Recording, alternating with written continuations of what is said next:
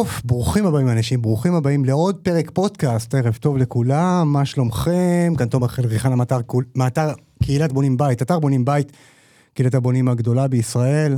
כיף גדול, הולכים לדבר היום על נושא, אני חושב אולי הכי מעניין, עלויות בנייה בשנת 2023-2024, ואני אארח פה לקוחה, מכרה, קולגה, יועצת משכנתה, מה לא. שתדבר איתנו כאן על התהליך שלה, וגם על העלויות שלה, ואיך הכל מתחבר ככה בין הייעוץ משכנתה, בין המימון, לתהליך בנייה שלך. אה, ומי שלא מכיר אותנו, אז אה, כדאי שיכיר. כנסו לאתר בונים בית, כנסו לערוץ הפודקאסט, כנסו לערוץ היוטיוב, ותצליחו בתהליך הבנייה או השיפוט שלכם. יהיה לכם מגניב, אני מבטיח, אה, ואתם הולכים להצליח. אז תקשיבו עד סוף הפרק, ויהיה תענוג. שריי. היי, תומר. וואטסאפ. שריי גם חדרתית, כיף גדול. נכון. היה קל להביא אותה לפה לאולפן. ברגל. לגמרי. אה, זהו, אז ככה, כיף שאת פה. תודה.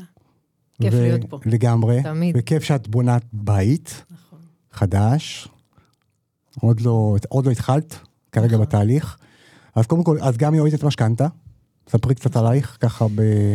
אני כבר אה, 16-17 שנים יועצת משכנתאות. התחלתי דרכי אה, בבנק דיסקונט למשכנתאות, הייתי יועצת בסניף, סניף חדרה ונתניה. אה, אז עבדת בדיסקונט. עבדתי בדיסקונט, כן, כמה שנים. יש לי תואר ראשון בכלכלה ותואר שני במשפטים, שעשיתי תוך כדי העבודה בבנק. יפה. אה, אחרי שסיימתי תואר שני במשפטים, בבנק קידמו אותי להיות חתמת אשראי. זאת אומרת, הייתי מאשרת משכנתאות בהנהלה של הבנק, במטה בתל אביב. עושים הרבה כסף בבנק, נכון, המשכנתאות? כן. כן.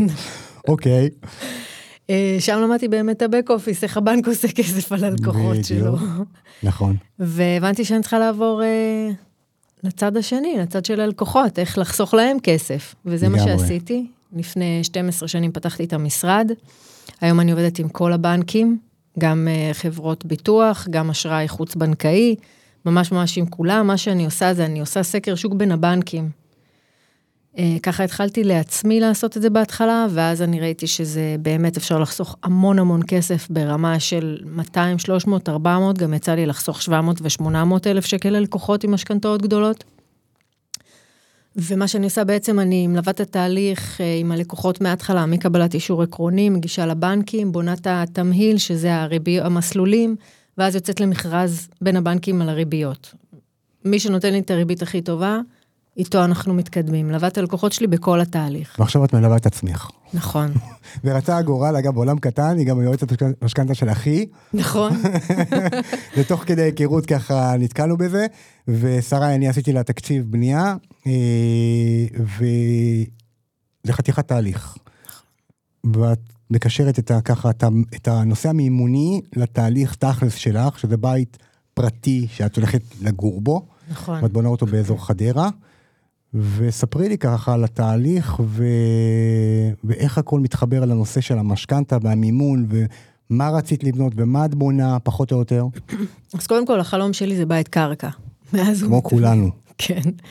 אנחנו יודעים שלהגיע לזה זה לוקח זמן, צריך אה, לחסוך, צריך לעבור כמה שלבים. אה, ואז קנינו את המגרש, התחלנו בהיתרים, בתוכניות, ואז אמרתי לבעלי, רגע, סטופ, אנחנו צריכים לעשות תקציב. אנחנו חייבים לדעת לאן אנחנו הולכים, כמה משכנתה אנחנו צריכים, כמה יעלה לנו בחודש החזר חודשי. אה, אם אה, יש את ה... אנחנו צריכים לחשוב על אולי אה, לבנות מרתף או לא לבנות מרתף, שזה חלק מההוצאות של המימון. זה משהו שיכניס לנו תשואה, אבל צריך לקחת את הכל בחשבון. וכמו שאנחנו לפני כל דבר בחיים, לפני שאנחנו יוצאים לתהליך, ובטח תהליך כזה גדול, אנחנו צריכים להתייעץ עם אנשי מקצוע, ובגלל זה הגענו אליך. כן. נפגשנו גם. לפני שנה, נכון, נפגשנו לפני שנה. ולא עשינו תקציב. נכון, והתבזבז לנו כסף. לגמרי. אה, ואז הגענו אליך השבוע ואנחנו שאתה כבר עם היתר. נכון. אנחנו עכשיו נתקן את הטעויות שעשינו. אה, זאת אומרת, בשלב בדיעבד היית מגיעה, בזמן שדיברנו, כבר בהתחלה, בהתחלה, בהתחלה, בהתחלה, אני נכון? כן, כאילו- אני אוהבת לעשות הכל מראש, לדעת בדיוק לאן אני בעלך נכנסת. כנראה היה מבושל מספיק. נכון, הוא לוקח זמן כן. לבשל אותו בכל דבר. ואז עברתם תהליך של תכנון, נכון. שבעצם, מה, מה, מה התהליך הזה? זאת אומרת, רציתם לבנות מרתף?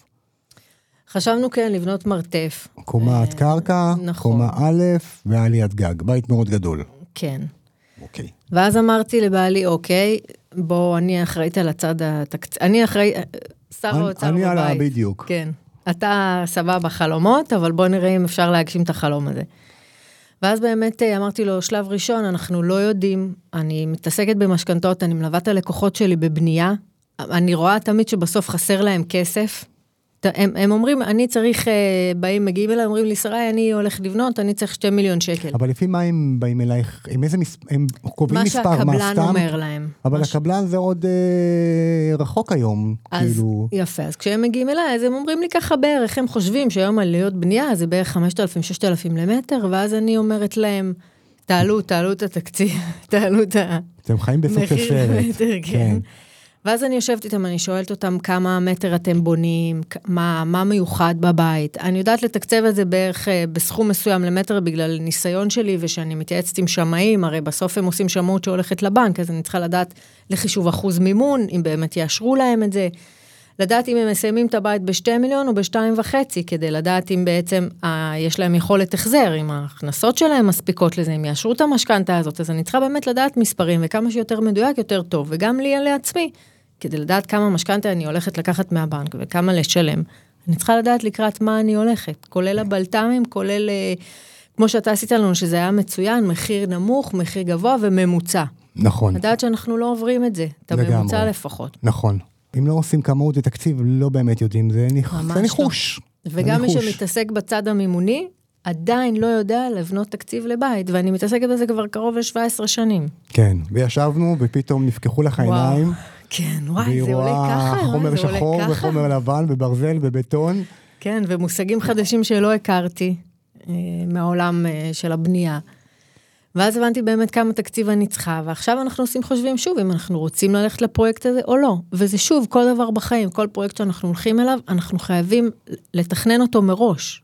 גם אפילו אם זה רכישת דירה, או מקבלן, או רכישת אה, יד שנייה, או כל דבר, אנחנו צריכים לתכנן אותו. זה מה שאני עושה במשכנתאות, מתכננת, את התק... מתכננת את התקציב בעצם מבחינה, מבחינת עלו- עלויות של חודש, חודשיות. נטו, כן, כן, אם זה בדיוק. מתאים למשפחה. נכון. אם הם מרוויחים 10,000, 20 או 30 אלף שקל בחודש, אם הם יכולים לעמוד בהחזר של 10-15, או פחות, או זה לא מתאים להם, ואז אני אומרת להם בפגישה הראשונה, תקשיבו, זה לא מתאים לכם, זה גדול עליכם, לדעתי, ואנחנו חושבים על חלופות.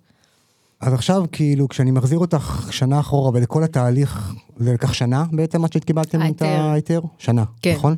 נכון. מה בתור שריי, האישית, לא היועצת משכנתה, מה היית עושה, אולי גם בתור היועצת משכנתה אגב, מה היית עושה אחרת, איך היית חושבת על הדברים אחרת, אולי גם התהליך עצמו של התכנון היה קשה, היה קל, איך עבר עליכם ככה, כל התהליך של התכנון, שזו תהליך מאוד מאוד חשוב, כן? זהו, אז מה שהייתי עושה, מה שאני עשיתי בהתחלה, לפני שקנינו את המגרש, זה באמת ישבנו ותכננו כמה עולה המגרש. מצאנו, אוקיי. מצאנו מגרש לקנייה, אז עשינו את החישוב כמה יעלה לנו, כמה הון עצמי יש לנו, כמה משכנתה ניקח, כמה יעלה לנו בחודש. צריכים לקחת בחשבון שכשאתה קונה מגרש ועד שאתה בונה, עד, שאתה, עד שהבית מוכן, זה לוקח משהו כמו שנתיים. אה, אז אתה צריך לשלם את המגרש בינתיים, אם אתה לוקח עליו מימון. אז באמת לעשות את כל החישובים התקציביים. אוקיי. אז עשיתי את החישוב של המגרש, עשיתי חישוב כמה נבנה, וראינו שאנחנו כן אה, יכולים לעמוד בזה. אה, ופה איכשהו משהו התפספס, והתחלנו ב... עם האדריכלית והמעצבת פנים, התחלנו לתכנן את הבית. ותכננו באמת מה שאנחנו רוצים, מה שחולמים, אה, ראית את ה... בית מהמם, אין ספק. כן, כן. תודה. ואז באמת אמרתי שוב לבעלי, בוא רגע נראה באמת כמה זה עולה. סטופ רגע, שאנחנו נמשיך אה, מהתקציב, מה, כמה משכנתה עכשיו צריך, אם אנחנו הולכים לקראת בנייה, אז כמה משכנתה אנחנו צריכים לקחת עכשיו לבנייה. וגם עברו שנתיים מאז שקנינו את המגרש, הרבה דברים השתנו. אוקיי. אה, אז הם עלויות. סיימו סקיצות, ובעצם אדריכל סיים סיים סיים סקיצות. הכל, קיבלנו היתר, ואז... השארתם לו את כן. הסקיצות, אבל כן. לא הייתם סגורים על כמה זה באמת עולה. על השקל. נכון. זאת אומרת, עברתם את כל התהליך. בדיעבד המעצבת- הייתי קודם עושה את התקציב איתך. כן, ברור. את כמה היית- עולה כל דבר, ואז הייתי נכון. רואה כמה מטר מקסימום ואז אני לא יכולה היית מתקדמת לבנות. בכלל להיתר. נכון, כן. נכון, כי עכשיו אה, חבל, אנחנו צריכים אה, להגיש תיקונים להיתר, זה עוד כסף, זה עוד זמן. זה עוד זמן שמתבזבז על זה שאני לא מקבלת שכירות על הבית שאני גרה בו, כי הייתי יכולה כבר להתחיל לבנות. זאת אומרת, כל יום זה זה מתבזבז כסף. כסף, כי כן. אני מממנת את המגרש, ואני לא מקבלת כנגדו תשואה, שזה בדרך כלל מה שאנחנו עושים, אם אנחנו קונים דירה, אנחנו לביתנו, אנחנו מחשבים את התשואה של כמה נקבל שכירות, כמה נוכל למכור אותה בעתיד, ולפי זה אנחנו יוצאים לעסקה. כן. ופה קצת עובר לנו הזמן. אז בעצם תכננתם, גרמו השקעה, היתר, ו... ונפגשנו. ומזל שרי פנתה מזל. שרי פנתה אליי, אני נפגשנו לפני שנה, והיא אמרה לי, תומר, תקשיב, יש לי בית, יש לי היתר, אני רוצה, בוא, אני רוצה לשים את האצבע לפני שאני מתחילה בכלל. ו... והיה לא קל כן, לראות את המספר מול העיניים, ככה בשחור, זה לא, זה לא רק מספר, זה כאילו, את רואה את הכל, את כל התמונה. ו...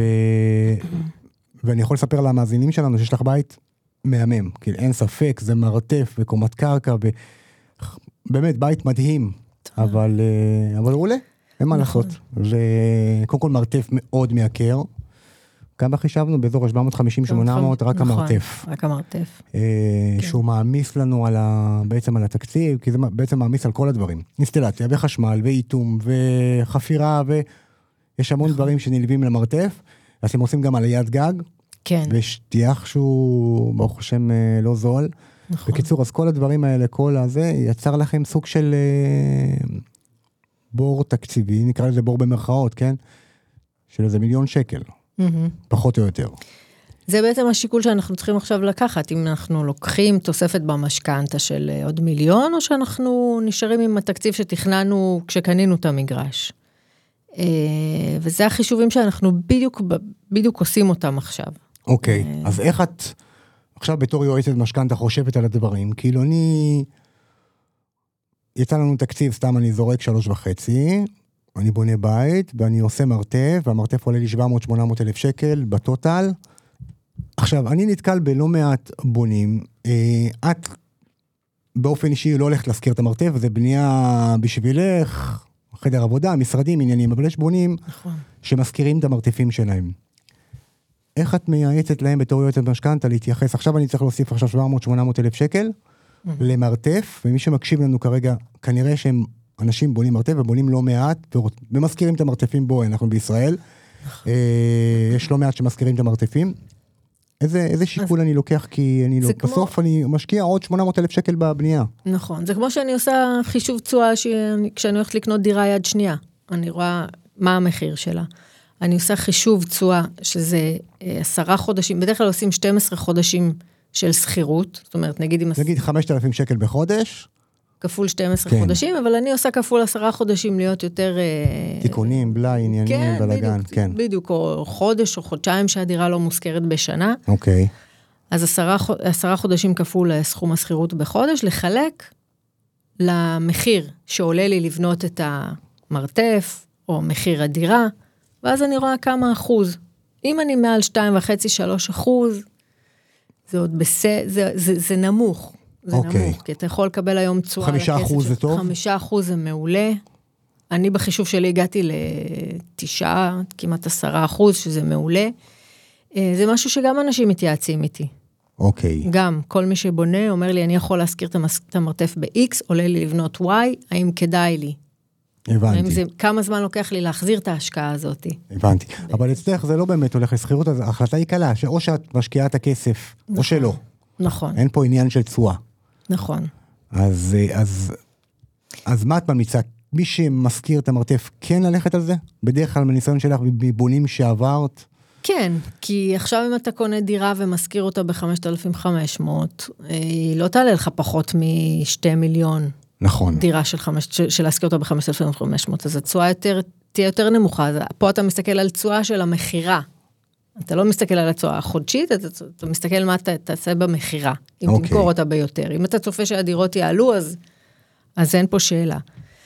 אה, כשבונים מרתף לא הולכים למכור את המרתף בנפרד, אז אנחנו יכולים לעשות את התשואה רק של השכירות שנקבל. ותשואה של 9-10 אחוז זה מעולה. כן, עשרה אחוז. אה, 10%, כן, נכון. לגמרי. במידה והיית משכירה. נכון. אוקיי. אני עושה חישוב אחר, שיש לי את הדירה שאני גרה בה, אז אה, כמה יהיה לי שכירות ממנה, ואם זה מכסה לי את המשכנתה שאני צריכה בשביל הבנייה. הבנתי. מה... איך עברת תהליך של התקציב מולי? כאילו, מה... מה... קודם כל זה היה קשה, אני מודה. הם ישבו ככה אצלי במשרד, מול הטלוויזיה. קבענו לשעה ונשארנו שלוש. לגמרי, וישבו מול הטלוויזיה וניסו להבין את העלויות, ומה מה בדיעבד חשבת כשראית עכשיו? ולא נכנס בפנים שזה- תאורה וזיווד, ו... נכון. ולא חלק מעלויות הבנייה. נכון. אני חשבתי שזה פחות, אז בחישוב שעשיתי לפני שנתיים, כשהלכתי לקנות את המגרש, באמת עשיתי חישוב לפי פחות למטר. אה, אבל ממש, וואו, כאילו יש כל כך הרבה פרמטרים, אתה פירטת את זה כל כך מדהים, שדברים שלא יכלנו לחשוב עליהם אפילו, כאילו, אני אומרת, איך אנשים יכולים לצאת למסע הזה? כי זה, זה מסע, זה לגמרי מסע. זה מסע וזה המון כסף, זה לא עכשיו אתה הולך לקנות משהו, לא יודעת, זה, זה המון, לשלושה מיליון שקל. יותר כאילו. אפילו, זה כן, יצא לנו ארבעה. כן, כן. זה המון זה לא כסף. משנה, שני מיליון, חייב- שלושה מיליון, ארבעה מיליון, נכון. בכל מקרה זה הרבה כסף. נכון, אתה חייב מישהו שילווה אותך, אתה חייב מישהו שיגיד לך, פה אתה יצא לך יותר, אתה לא תסיים בסכום הזה. אני רואה אותם, את האנשים מגיעים אליי, הם קונים את המגרש, מוציאים תוכניות היתרים, ואז הם באים אליי לבקש כסף לבנייה. אני מנסה לתמחר את זה, תמיד אני אומרת להם, בואו נוסיף עוד 10 אחוז, 15 אחוז, בואו נבקש מהבנק, שיהיה לנו מסגרת אשראי. אבל יכול להיות שגם זה לא יספיק להם אם. הם לא עשו חישוב נכון. נכון, חד משמעית.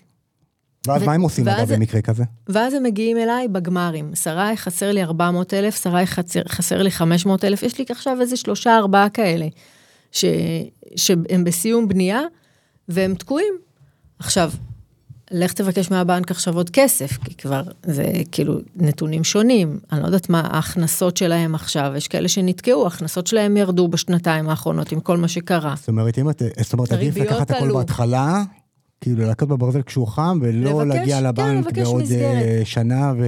חד משמעית. אוקיי. ובשביל זה צריך לבוא אליך כמה שיותר מוקדם. לגמרי, באמת לגמרי, אפילו לפני סקיצות. רכישת הנ... לג- אגב, יש לנו המגרש. בונה היום, ששלחנו לו מייל על מה שנקרא go no go, שאמרנו לו פחות או יותר אה, מה, מה הכיוון, והוא סבבה, הוא סבבה עם זה והוא מתקדם, אבל, אבל זאת הדרך. כן, נכון. ו- ו- ואיך בבנייה מקבלים את הכסף? זאת אומרת, אני צריך פר שלבים, זה לא כמו דירה, קניתי שתי מיליון, קבל אה, נכון. 100% מימון ויאללה. נכון. קודם כל, כשאתה קונה דירה יד ראשונה או שנייה, אז הכסף עובר ישירות לחשבון של המוכר, אם זה קבלן או אם זה כמה בן אחוז אדם מימון פרטי. היום? היום אפשר לקבל 70 אחוז למגרש ועד 75 אחוז לבנייה. סך הכל, משווי נכס גמור, זאת אומרת, יש לי דירה, על דירה, לא, אני מדבר כרגע על דירה. על דירה. דירה עולה לי 2 מיליון שקל, כמה אני יכול לקבל? 75 אחוז. הבנתי, מערך הדירה. נכון, אוקיי, אני צריך להביא 25 אחוז הון עצמי. נכון. אה, אם אין לי איתך 25 אחוז הון עצמי, ואני מה זה רוצה לקנות את הדירה, מה אני עושה? קודם כל יש כמה פתרונות. אה, פתרון אחד זה חוץ בנקאי שהם נותנים היום 85-90 אחוז מימון, אז אפשר לקחת 75 אחוז בבנק ואת ההשלמה בחוץ בנקאי. עוד 15 אחוז כאילו? כן. אוקיי. זה פתרון אחד. פתרון שני, אם אנחנו לא רוצים את החוץ בנקאי כי הריביות שם יותר גבוהות, אז אנחנו, יש את האופציה של עזרה של ההורים, אם להורים יש נכס קיים. יש לי תיק כזה ממש עכשיו. אוקיי. זוג צעיר שאומר, אני יודע שבעוד איקס זמן, שנתיים, שלוש, אני יכול לגייס את ה-300-400 אלף שקל, אנחנו עובדים, אנחנו חוסכים, אבל עכשיו אני רוצה לי, את ההזדמנות לקנות את הדירה, ויש עכשיו הרבה הזדמנויות, תומר. כן, אני יודע. המחירים קצת ירדו, נכון. והשוק אה, חוזר לעצמו, ואני רואה מתעניינים, וממש אה, יש, יש הרבה מציאות עכשיו. והם אומרים, אני רוצה לקנות עכשיו. אז מה שעשינו, משקענו את הנכס של ההורים, לקחנו את ההלוואה אפילו בבלון לשנתיים, כי הם יודעים שתוך שנתיים הם יוכלו להחזיר את זה. אה, משכו נכס של ההורים, זה מהווה ההון העצמי שלהם, ואז הם רוכשים את הדירה במחיר טוב. עכשיו, אה, נכון שמצד אחד היום הריביות אה, עלו בגלל כל מה שהיה השנה, המהפכה המשפטית. והם אמורים גם לעלות או שאת לא- לך לא? אז היום, היום ראיתי שעשיתי סקר שוק ללקוחה שלי שצריכה את המשכנתה כבר, והם אה, ירדו קצת. וואלה. שבוע, שבוע שעבר התחילו לרדת, והשבוע קיבלתי אפילו הצעה ממש ממש טובה מאחד הבנקים, שהריביות התחילו לרדת. אני אומרת, לכו תקנו עכשיו. תקנו במחיר טוב עכשיו, בעוד שנה לעשות מחזור, לקחת מסלולים, זה, זה ההתמחות שלי ככלכלנית. כן. לעשות את המסלולים שיתאימו למחזור לעוד שנה, שנתיים, ובעוד שנה, שנתיים, כשהריביות ירדו, הרווחנו גם נכס במחיר טוב וגם משכנתה טובה. הבנתי. ולגבי. בנייה? מה קורה? זה כן. סרט אחר. נכון, זה משהו אחר לגמרי. בבנייה קודם אנחנו קונים את המגרש כמובן, הכסף עובר למוכר, מה עושים עדיף לקנות תוכניות מגרש היתרים. בהון עצמי או משכנתה, מה, או שזה לא... לא, אין לזה... תראה, היום כי את צריכה בתהליך תכנון שלך, זה תלוי בתקציב. תהליך תכנון של בית כמו שלך, הוא בערך 200-250 אלף שקל, רק אדריכל, מהנדס, אה, מעצבת, אה, נכון. אישורים, כל מיני אגרות. את צריכה כסף נזיל. נכון. אוקיי. בגלל זה אני תמיד שואלת אותם כמה הון עצמי יש לכם, תשאירו בצד 200, בין 200 ל-300 תלוי בגודל הנכס, כי בעצם הכל נגזר מהאחוזים, מה, מה, מהגודל של הבית. אוקיי. גם האגרות, גם ההיטלים, אז אם נגיד הכל. אני בא, לב... יש לי בית של 300 מטר, מה, איך אני מקבל את המשכנתה? אז אתה מקבל את זה לפי שלבים. שלב ראשון בגמר אחרי היסודות. המגרש, כן. כשקניתי את המגרש. קנית את המגרש, אם הלכת. לקחתי משכנתה למגרש אגב, אין בעיה עם זה.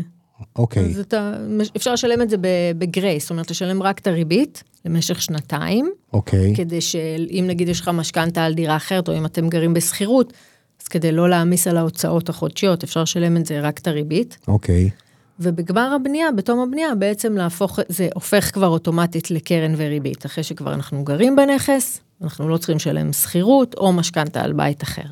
הבנתי. עכשיו, בניגוד לרכישה של יד ראשונה ויד שנייה, אתה אומר, את המשכנתה על הבנייה אנחנו מקבלים לפי שלבים.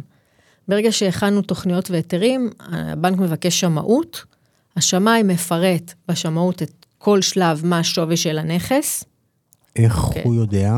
הוא יודע, אה, בג... הוא עושה את זה גם חישוב לפי מטר, הוא עושה את זה חישוב אה, שוק, אוקיי. לפי איפה נמצא הנכס, הוא עושה את החישוב כמה יהיה שווה הנכס בסוף, אבל שימו לב שבבנקים השמאים לא לוקחים את השווי אה, עם הרווח היזמי, ומה זה הרווח היזמי? או, דיברנו על זה. זה כן. מאוד, אנשים אומרים, כן, הבית שלי בסוף יהיה שווה 6-7 שמונה מיליון, כן, בדיוק. ואז אני אומרת לו, אוקיי, כמה עלה לך המגרש? 2 מיליון. הבנייה תעלה עוד 2 מיליון. זה מה שהבנק ייקח, שווי נכס כגמור, 4 מיליון. לא משנה כמה אתה יכול למכור אותו בשוק החופשי אחר כך, אתה יכול לבקש גם עליו 10 מיליון, ואז ואז לעשות מה זה רווח אומר יזמי של 6 מיליון, ל... אבל מה זה אומר ליהודים? זה העניין של אחוז מימון. אוקיי. אם אתה הולך לבקש 2 מיליון, אז הבנק מסתכל על השווי נכס כגמור, 4 מיליון, אז זה חמ- 50 אחוז מימון. מעל 70-75 אחוז מימון אי אפשר לקבל, אז זה מאוד חשוב, גם הריביות נגזרות מאחוז מימון. הבנתי. אוקיי?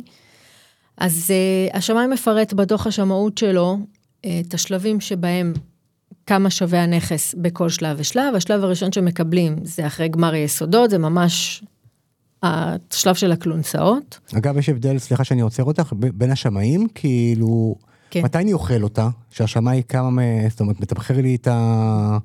כשהוא מתמחר בפחות. פחות. ואז אני נכון. כביכול אחוז מימון גבוה יותר. נכון. אז מה אני עושה? זאת אומרת, יש גם קטע של בין השמאי, אני לא חייב לקחת שמאי של הבנק, נכון? אתה חייב, ברגע שאתה לוקח משכנתה, זה חייב להיות שמאי מתוך רשימה של הבנק. הוא מחליט. כן. ואם השמאי העריך לי, יש לי, יש, יש לי אפשרות לערער? כן, יש לך אפשרות לערער, יש לך זכות גם לקחת שמאי אחר. הבנתי. אבל הרי זה, זה- אין הבדלים כאלה גדולים. אה, גם אתה יכול לעשות שמאות באמצע בנייה ולעדכן אותה, כי בדרך כלל, שם, בדרך כלל בנייה לוקחת בין שנה, אתה אמרת לנו 15 חודשים. כן, בית כמו שלכם 15. כן, אז חודשים. אפשר באמצע הבנייה לעשות שמאות, אה, לעדכן אותה, ובדרך כלל השווי עולה. כי הדברים משתנים, המחירים עולים, שווי של. קרקע עולה. הבנתי, אז קיבלתי ביסודות 100 אלף שקל, 200 אלף שקל, לא נכון. משנה. אוקיי. שלב הבא זה בגמר שלד. ברגע שאתה מסיים את השלד, אתה מקבל את המנה השנייה. אה, גמר תרתי שלד, אחר משמע, כך... מנה שנייה. כן, את הפומפה השנייה, לגמרי. שזה באמת אה, רוב הכסף. אה, השלב אחר כך, זה בעצם גמר שלד, טיח פנים, טיח חוץ. וכל פעם בשלב הזה מגיע? או לא, ה- אתה מקבל אישור מהקבלן או מהמהנדס לאיזה אבל לא שלב באמת הגעת. לבדוק. השמאים לא, אבל אתה מקבל אישור, הבנק דורש אישור מהמהנדס או. מהקבלן, מהנדס אוקיי. שחתום על תוכניות, לאיזה שלב הגעת. אוקיי. יש לפעמים שהבנק מבקש שהשמאי יצא שוב ויראה, אה. ויעדכן את השמאות, כן. הבנתי. אחרי גמר אה, שלד, טיח פנים, טיח חוץ, יש לנו את הריצוף, אה, ושלב הטיח וריצוף, והשלב האחרון זה והרכבות גמרים. והגמרים, כן, בדיוק. כן, שזה גינה, כל מה שמסיים, כל הכיף. כן. כשהם מגיעים לגמרים וזהו, ואז, נגמר לי הכסף. ואז זהו, הרבה עשיתי לקוחות תקציב. כאילו מגיעים ווואלה, כן. כאילו נגמר לי. כן, כן. הרבה. ואז צריך ללכת לבנק, לעדכן שוב, ולא בטוח נכון, שהם יקבלו. נכון. ש... וגם אם יקבלו, אולי זה ריביות מטורפות. נכון, זה, זה שוב עלויות כפולות, זה שוב עלות ליועץ, כי עוד פעם צריך להגיש את הבקשה, אה, עוד פעם צריך אה, לעשות סקר שוק. אה, היום, דרך אגב, אפשר לקחת שתי משכנתאות בשתי בנקים שונים על אותו נכס, מה שאי אפשר היה לקחת בעבר. זאת הופה. אומרת, היום, כן, זה משהו חדש. שמה מה זאת אומרת, אני יכול לקנות את המגרש, לקחת מש- משכנתה בבנק X, חצי מהמשכנתה למגרש, כאילו, למשכן חצי מהמגרש. אבל הם דורשים... לא, מה- למשכן את המגרש לבנק X, והכסף לבנייה בבנק Y. אוקיי. ואז אתה בעצם יכול לקבל את הריביות הכי אה, טובות. מפזר מפזר סיכונים. סיכונים, כן. לגמרי. יפה. כן. ואז סיימנו את הבנייה, נכון. מקבלים את כל הכסף, נכון. ופיניטו לקומדיה, זהו. כן, ואז עושים מחזור. מתי כדאי לעשות מחזור? אני ממליצה לבדוק כל שנה. אוקיי. אופציה, בדיקת כדאיות מול למחזור אותו שם. יועץ, נגיד הלקוחות כן, שלך, אז כי את כבר עושה אני להם... מכירה אותם, כן. יש לי את כל הנתונים שלהם, יש לי את היתרות, אני יודעת מי הם, מה הם, כמה הם מרוויחים, כמה הם יכולים לעמוד. ואז אני עושה להם בדיקת כדאיות, שזה שירות שלנו, שאנחנו נותנים ללקוחות שלנו, ללא עלות. אם אפשר לחסוך עוד כסף, אז אנחנו חוסכים להם. אם, אה, אם הריביות לא ירדו או אין שינוי, אז משאירים את זה ככה, אבל תמיד כדאי לבדוק אופציה של מחזור. תמיד זה... אוקיי. לא לקפוא על השמרים. כן. עכשיו, הבית שלך הוא מדהים. איך עכשיו תעשי התפשרות על הדברים? קשה, נכון? נכון, נכון. יש לך חלונות אה, 2,200, יש לך ויטרינות מאוד גדולות נכון. של 7 מטר, משהו כזה. מפתחים מאוד גדולים. מאוד. נכון. מפנק מאוד צלונים, עניינים, ריצוף 120 על אתה 120. מגלה פה הכל, תומר. כיף גדול, מה? אה, אז, אז איך כאילו עכשיו, הבית כאילו, ואני כרגע מדבר בתור חבר, הבית שתו לך בראש. נכון. זה יהיה- מאוד קשה כאילו, סוג לוותר. של לוותר, בדיוק, נכון. להתפשר, אני לוותר, לא יודע איך לקרוא לזה. תראה, החלום זה בית קרקע, זה גינה, זה שלילדים יהיה כזה מקום, אה, אתה יודע, אה, בעלי חי, כלב. אה, לא שרע לי איפה שאני גרה כן. זה אחלה, אבל אה, רוצים, רוצים את הקרקע. כן, ואם זה להתפשר על לא לעשות מרתף, או לא לעשות אה, ריצוף של אה, מטר וחצי, זה כאילו, אתה יודע, כן, זה... אין סוף ל... בדיוק, זה לא, זה לא נגמר, אז אה, נוותר, אנחנו נוותר על כמה דברים כדי כן להגיע לחלום שלנו, שזה בית קרקע עם גינה. אוקיי. ואיפה ראית את ה... בתקציב, ועברת עליו סוף שבוע, איפה ראית את ה... וואלה, לא חשבתי שזה עולה כל כך הרבה. באיזה תחומים, למשל? אה, כי את אלומיניום- תמיד הסתכלת לפי מטר, ופה קיבלת את כל אחד כמה, כמה עולה. אז אלומיניום. לא חשבת אלומיניום שזה יעלה כזה לא יקר. חשבתי שזה יהיה כזה יקר, ממש לא. כל הוויטרין, כל מה שאתה אומר, כל האלומיניום בבית, המפתחים הגדולים, לא חשבתי שהאלומיניום עולה כזה יקר. גם משהו שאמרת, פירטת, פירקת לנו את זה לחתיכות ממש קטנות של כמה עולה כל דבר, כמה אפילו הקבלן המבצע מרוויח. בדיוק.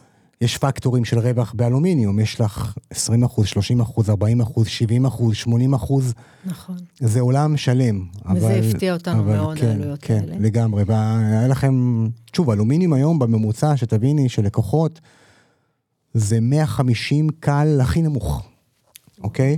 הכי נמוך.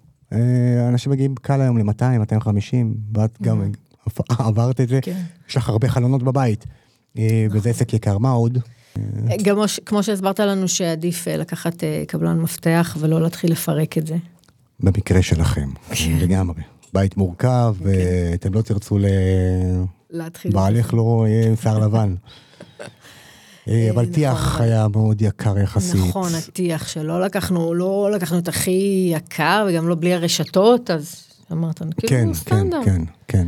בכלל כל זה הפתיע אותי, לא, אנחנו חשבנו על תקציב של שתיים וחצי, שתיים שש, לסיים את הבית, והגענו לקרוב לארבעה מיליון. אז אני אומרת, מזל שלא התחלנו ולא יצאנו לדרך, כי אז היינו נתקעים וזה היה הרבה יותר כואב. אבל כמו שאני אומרת, כל דבר צריך לתכנן, גם משכנתה. גם משכנתה. לגמרי, זה לא לגמרי. ללכת לבנק לבקש ולבקש סכום, אנחנו לא יודעים כמה, אם נעמוד בו, לא, לא לוקחים בחשבון עליות של אה, ריביות, שאם נוכל לעמוד בזה בעתיד, אנחנו לא יודעים, אה, הרבה דברים, זה עולם. אני יכולה להגיד לך שיש לי לקוחות שהם רואי חשבון, רואי חשבון. טוב, יש, אגב, לא ציינו את זה. סליחה שאני עוצר אותך, יש לך גם בריכה. נכון.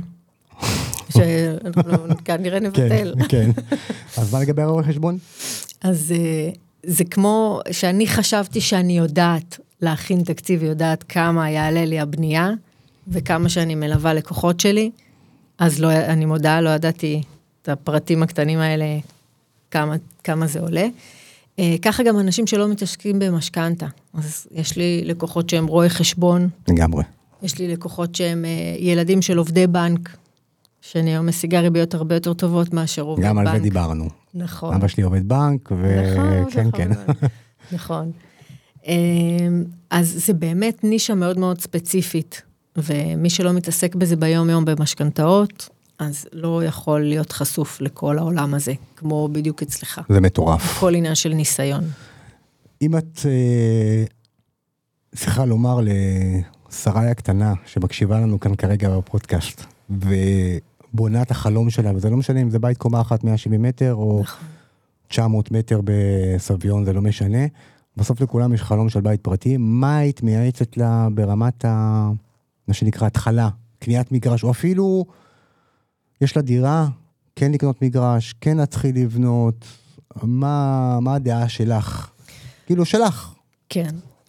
אז מעניין. קודם כל, זה מה שאני שואלת את הלקוחות שלי כשהם מגיעים אליי, לפני שאני שואלת אותם בכמה אתם קונים, או מצאתם, לפני שאפילו שהם מחפשים, אני מציעה להם לבוא ולהגיד, כמה אתם רוצים אה, לשלם בחודש למשכנתה. ולפי זה אנחנו בונים את התקציב. אם אומרים לי 5,000 שקל, אז אני יודעת שזה בערך מיליון, מיליון 100 שקל אה, משכנתה. אה, מיליון 100 פלוס ההון העצמי שלהם, ואז אנחנו יודעים להגיע לשווי של הנכס. כי אם אומרים לישראל, אני לא רוצה לעבור את ה-5,000, 5,000 שקל זה החזר של בערך מיליון, מיליון 100 שקל אה, משכנתה, פלוס ההון זאת העצמי אומרת, שלהם, מיליון זה מאה השווי. אלף, מיליון כן. מאה אלף, זה החזר של מש... של כן, משהו כמו, 5,000. אם אני לוקח מיליון מאה אלף משכנתה, זה חמשת אלפים שקל בחודש, פחות או יותר? פחות או יותר, אפשר גם להגיע לפח... בפחות, שוב, תלוי איזה מסלולים. ברור, ברור, זה עולם שלם. כן, כן, כן, לגמרי. כן, אז אה, אפשר להגיע גם לפחות, אפשר גם להגיע ל-3,500, כן? אבל זה מסלולים פחות טובים, שאני פחות ממליצה. ואז מה? מה היית ממליצה להם לעשות לאותה, לאותו בונה שקונה מגרש, או לפני קניית מגרש? תקציב. קודם כל תקציב משכנתה, לדעת כמה הון עצמי יש לו, כמה משכנתה הוא יכול לקבל, כמה זה יעלה לו, אה, המגרש, לממן אותו, כמה יעלה לו לממן את הבנייה. אגב, אתם יכולים להגיע אלינו לבנייה למה שנקרא go no go, זה ייעוץ מאוד מאוד בדיוק. פשוט, ממש. גם הוא עולה יחסית זול, אנחנו יודעים לתת להם אפילו לפני קנייה של המגרש, את זה המ- בעצם את עבודה הסוג של שלי המספר. ושלך מקביל נכון, ביחד. הם נכון. צריכים לבוא אליך או נכון. אליי לפני, אבל זה באותו זמן, אני לא עושה. לפי מטר, כאילו ב-go no go, אני מפרק, אבל גם יש לנו המון המון ניסיון מול המון המון המון המון בתים. כן. אה, אבל, אבל מה קורה אם כאילו התחלתי, קניתי מגרש, ועשיתי תהליך, ואת אומרת שאני צריך מיליון מאה מהבנק, ואני יכול להחזיר עד 5,000 שקל בחודש, וחסר לי כסף, התחלתי את הבנייה, ולא עשיתי תקציב, וחסר לי כסף, אני לא, אני, מה הבנק עושה? הוא אומר, תשמע, נתתי לך כבר, אתה לא יכול להחזיר מעל 5,000. יש לי מקרה כזה של לקוחות עכשיו, שהם לפני שנתיים קנו מגרש, משלמים עליו משכנתה. לפני שנתיים ההכנסות שלהם היו סביב ה-30, וירדו. ירדו ל-10, וואו, והם כבר משלמים 5,000 שקל משכנתה. וואו. הבנק לא מאשר להם משכנתה לבנייה. הם, נשק... הם נשארו, ממש מקרה מ- מהיום. והם התחילו לבנות? הם לא התחילו לבנות כי אין להם את הכסף אז לבנייה, הם אבל יש מוכרים להם את השטח, משכנתה. מה הם עושים? אמ, אנחנו שוקלים. פות... אנחנו עושים עכשיו סיור מוחות, אני והיועצות אה, במשרד שלי, ואנחנו... ואם הם היו באמצע. באמצע הבנייה? זה בעיה. זה בעיה. וואו. בעיה. כן. הם אה, נתקעים. אז צריך לדעת על השקל כמה לקחת מהבנק, ולא... דירה זה קל, דירה אני יודע, כן, כי אתה יודע בכמה היא עולה, אתה יודע כמה אתה נותן למוכר, וזהו. אז יש לך פה ממש תקרת זכוכית שאתה יודע שאתה לא עובר אותה. תמיד, גם כשמגיעים אליי לקוחות, הם אומרים לי, הדירה שווה, אני הולך לקנות שתי דירה ב-2, 2.5 מיליון, אני אומרת להם, רגע, עצרו שנייה כמה הון עצמי יש לכם, תשימו 100 אלף בצד לכל מה שמסביב. אם זה מס שבח, אם הם מוכרים דירה, צריך לחשב. מס רכישה, אם זה מעל מיליון 900, עורך דין, תיווך, יועץ משכנתאות. יש לכם פה עוד עשרה אחוז מסביב שאתם צריכים לשים בצד, אז לגמרי, תורידו את זה. אז לגמרי. וואי, נכון, לא חשבנו על זה. אז תמיד, תמיד, תמיד צריך לקחת buffer ולחשוב מ- מ- קדימה, קצת קדימה, אבל חד משמעית, תומר, לא לצאת לבנייה בלי תקציב. וגם אני חוזר על זה כבר אה, כמה שנים טובות לכולם. זה. סכום כל כך פעוט שהרווח שלו הוא מטורף. נכון, נכון. אה, אגב, איך היה לך תהליך, כל תהליך התכנון? כיף? כאילו, הסתדרת, היה סבבה? כן, אני פחות, אה, יותר אה, בעלך. אני בצד, כן, כן, הוא יותר כן, כן. היה עם המד- עם אדריכלית. אדריכלית, מעצבת, אישורים, מעבדת. בטון, יועץ קרקע, כן. כל הדברים האלה, הבנתי. אני עשיתי את המיקוח עם כולם. אז, זה אה, העבודה שלי. אבל שלב התכנון עולה, זה 250 אלף שקל. נכון. נגיד בין 180 ל-250, תלוי בגודל הבית. בגודל הבית, בדיוק. נכון. אה, אז צריך להכין, כסף, מה שנקרא, נזיל. נכון, תמיד אני אומר, בגלל זה, זה בעצם ההון העצמי שהבנק לוקח בחשבון, כי ברגע שאתה קונה את המגרש, גם שוב, אתה יודע מה המחיר של המגרש, אתה משלם למוכר, ואז הבנק אומר, אוקיי, אתה רוצה את השלב של הבנייה, אתה עם ההון העצמי שלך, תשלם את התוכניות, היתרים, את האדריכל, אדריכל, את המעצבת, את. המהנדס. כן, תבוא אליי שכבר אתה ביסודות, כאילו כבר אני יודע ששילמת לכולם את הכל ואתה צריך כסף פרופר לבנייה. למרות שהיום זה השתנה, הבנקים יותר מקלים, זה ממש מהשבועות כן, אבל צריך האחרונים. לקחת בחשבון גם את האגרת בנייה והיטל השבחה, נכון. ויש לנו, נכון. בלי עין הרע, לא מעט אה, שזה צריך הוצאות. הון עצמי. לגמרי. בשבילו. בגלל זה לפעמים לוקחים משכנתה, לא לפעמים, בדרך כלל לוקחים משכנתה למגרש ומשאירים את ההון העצמי לכל הדברים שמסביב, כי זה הבנק לא נותן אה, כסף. הבנתי. למרות שבשבועות האחרונים, שוב, אה, שמעת, הבנקים כן התגמשו והם כן נותנים את הסכום הזה, את הסביבות ה-200 אלף, בין 150 ל-250 ללקוחות, בשביל לעשות את התוכניות, היתרים ולשלם לאנשים שמסביב כדי להתחיל את הבנייה. הבנתי. זה מה אני. אאחל לך? מה, מה את רוצה ככה, קודם כל, לגבי ייעוץ משכנתה, את עושה ייעוצים בכל הארץ או שרק באזור? ייעוצים וליוויים בכל הארץ ובעולם גם. הופה. יש לי לקוחות מאנגליה, מארצות הברית, נייס. כן. יפה אה, מאוד. פרי, אה, צרפת, כאילו ממש תושבי חוץ, גם אנחנו מתמחים, אנחנו מתמחים בכל מה שקשור למימון, גם אם זה עסקים, רכישת משרדים, רכישת חנויות, אה, היה לי לקוח שרכש מוסך, כל, ממש כל מה שקשור למימון הלוואות, אנחנו עושים.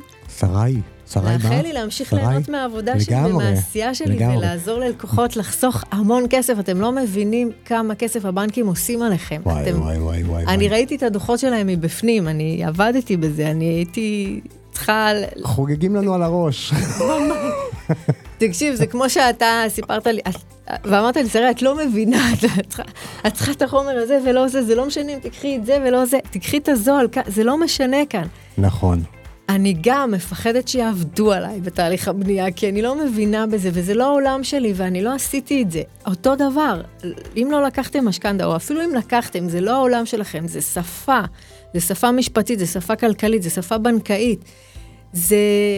לקחת זה ממש יועץ, בקיצור, עולם, כן, בקיצור. שיחסוך לכם כסף, כמו יועץ. שאתה חוסך לי לגמרי. עכשיו. בכיף, באהבה. טוב, חברים, יש לכם שאלות? שרי, אה, תוכלו למצוא אותה באתר בונים בית. אני כמובן, טלפון שלי פתוח לכולם, 24/7. שיהיה לנו ימים שקטים, אמן. מקווים, ונצא מהתקופה לא יאמנת הזאת, כן. כי גם אין פועלים. מקווה שיחזרו. חברים, אוהבים אתכם. ביי ביי. מוזמנים לפנות בכל שאלה, להתייעץ. לגמרי, בכיף, גם כאן אנחנו- בתגובות ובכלל. כן, אנחנו מלווים את הלקוחות שלנו מתהליך, משלב קבלת אישור עקרוני, ואז עד קבלת אה, מפתח. ברכה ואהבה לכולם. תודה, תודה.